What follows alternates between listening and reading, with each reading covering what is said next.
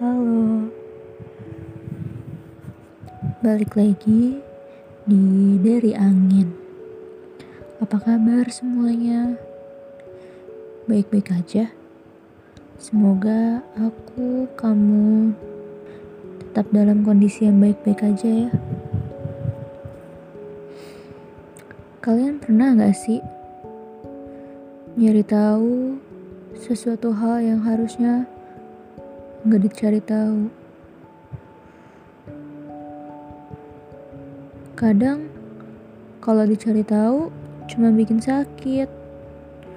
Tapi kalau nggak dicari tahu penasaran. Kemudian pada akhirnya tetap aja dicari tahu. Walau ujungnya bikin sakit diri sendiri. Pernah gak sih?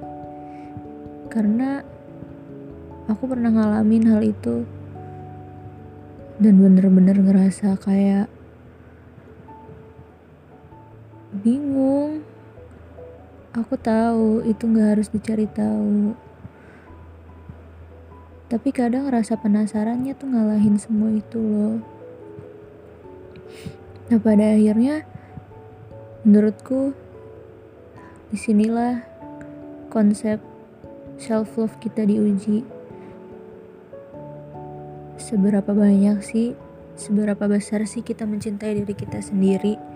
Karena kalau dari hal semudah itu aja kita nyari tahu, kita bikin kita nyari tahu dan akhirnya bikin sakit, berarti sama aja kita nggak mencintai diri kita sendiri dong.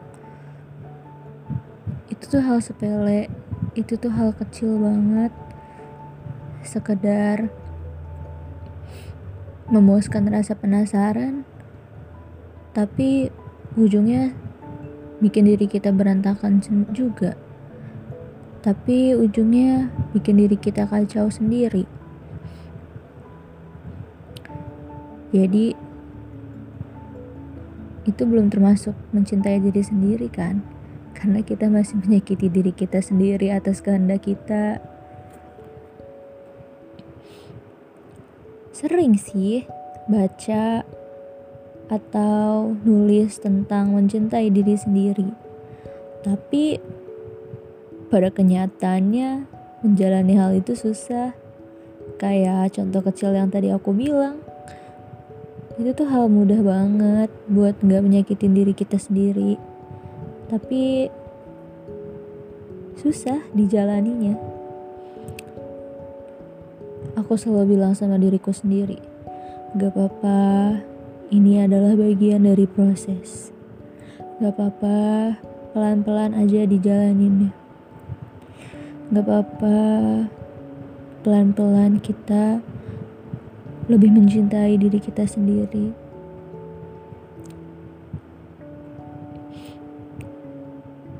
Ya, aku tahu proses mencintai diri sendiri itu Gak segampang itu. Aku tahu prosesnya gak mudah. Prosesnya tentu melibatkan perang hati dan pikiran, hati dan logika, ya semacam itu. Tapi ya kalau dilihat-lihat lagi, hati itu kadang emang sumbernya sakit itu sendiri gak sih?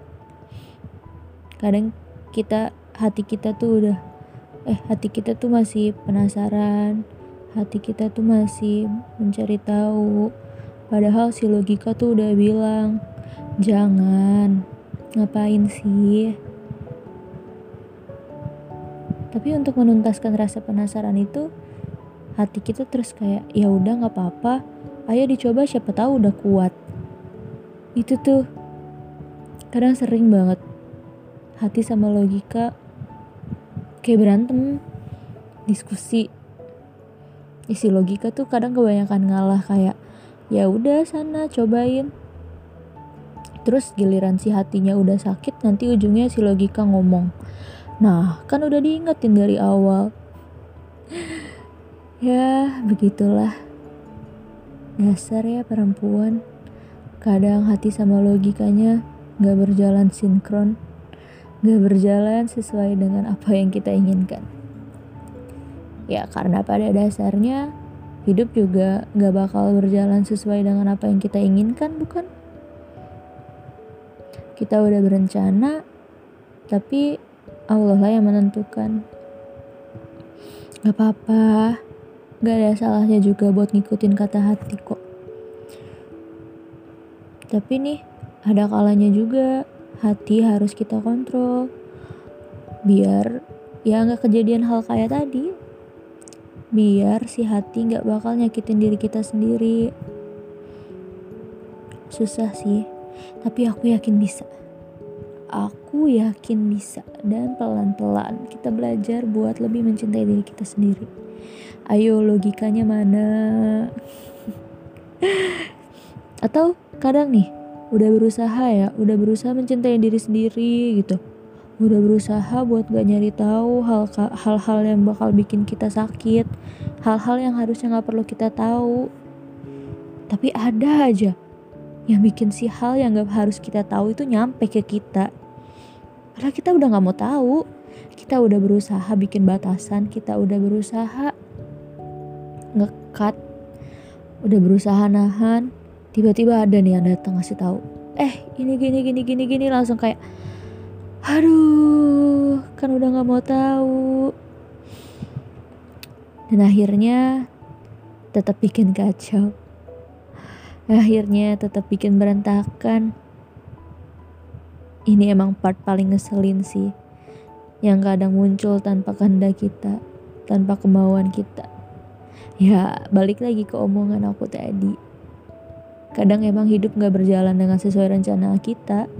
Kita udah berencana kita udah melakukan kadang ada aja gitu yang lewat ada aja hambatannya. Tapi aku mau bilang lagi gak apa-apa. Emang ada banyak hal yang gak bisa kita hindarin juga dalam hidup. Tugas kita kalau hal itu udah terjadi ya kita harus segera meminimalisir rasa sakit itu. Ya kan udah terlanjur tahu gitu kan. Jadi ya terus mau gimana lagi?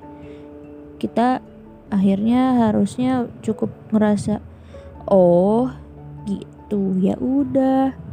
Ya walau pada kenyataannya susah sih. Cuman ya pelan-pelan. Kalau misalkan kalimat kalau misalkan kata-kata oh ya udah masih belum cukup kalau misal kita masih ngerasa nggak baik-baik aja nggak apa-apa. Terima perasaan nggak baik-baik aja itu ya. Kita harus menerima apa yang kita rasain. Kayak kalau kita lagi sedih ya ya udah terima kalau kita lagi sedih. Kalau kita lagi ngerasa kesel emosi terima kalau kita lagi ngerasa kesel atau emosi kita ngerasa sakit, kita terima kalau kita ngerasa sakit. Jadi ya kunci ikhlas itu sebenarnya ya kita harus menerima rasa sakit itu sendiri. Kalau kita nggak bisa nerima rasa sakit itu, nanti nggak ada ujungnya. Bakalan diungkit terus. Konsep ikhlas tuh bukan hanya tentang memaafkan, tapi tentang penerimaan. Kita harus terima apa aja yang udah bikin kita sakit. Semoga aku, kamu, dan kita semua bisa cepat menerima hal yang membuat kita sakit supaya ke depannya kita nggak perlu lagi nyari tahu atau kecolongan dikasih tahu tentang hal yang seharusnya nggak perlu kita tahu lagi dan supaya kita bisa ikhlas menerima semua keadaan yang bikin sakit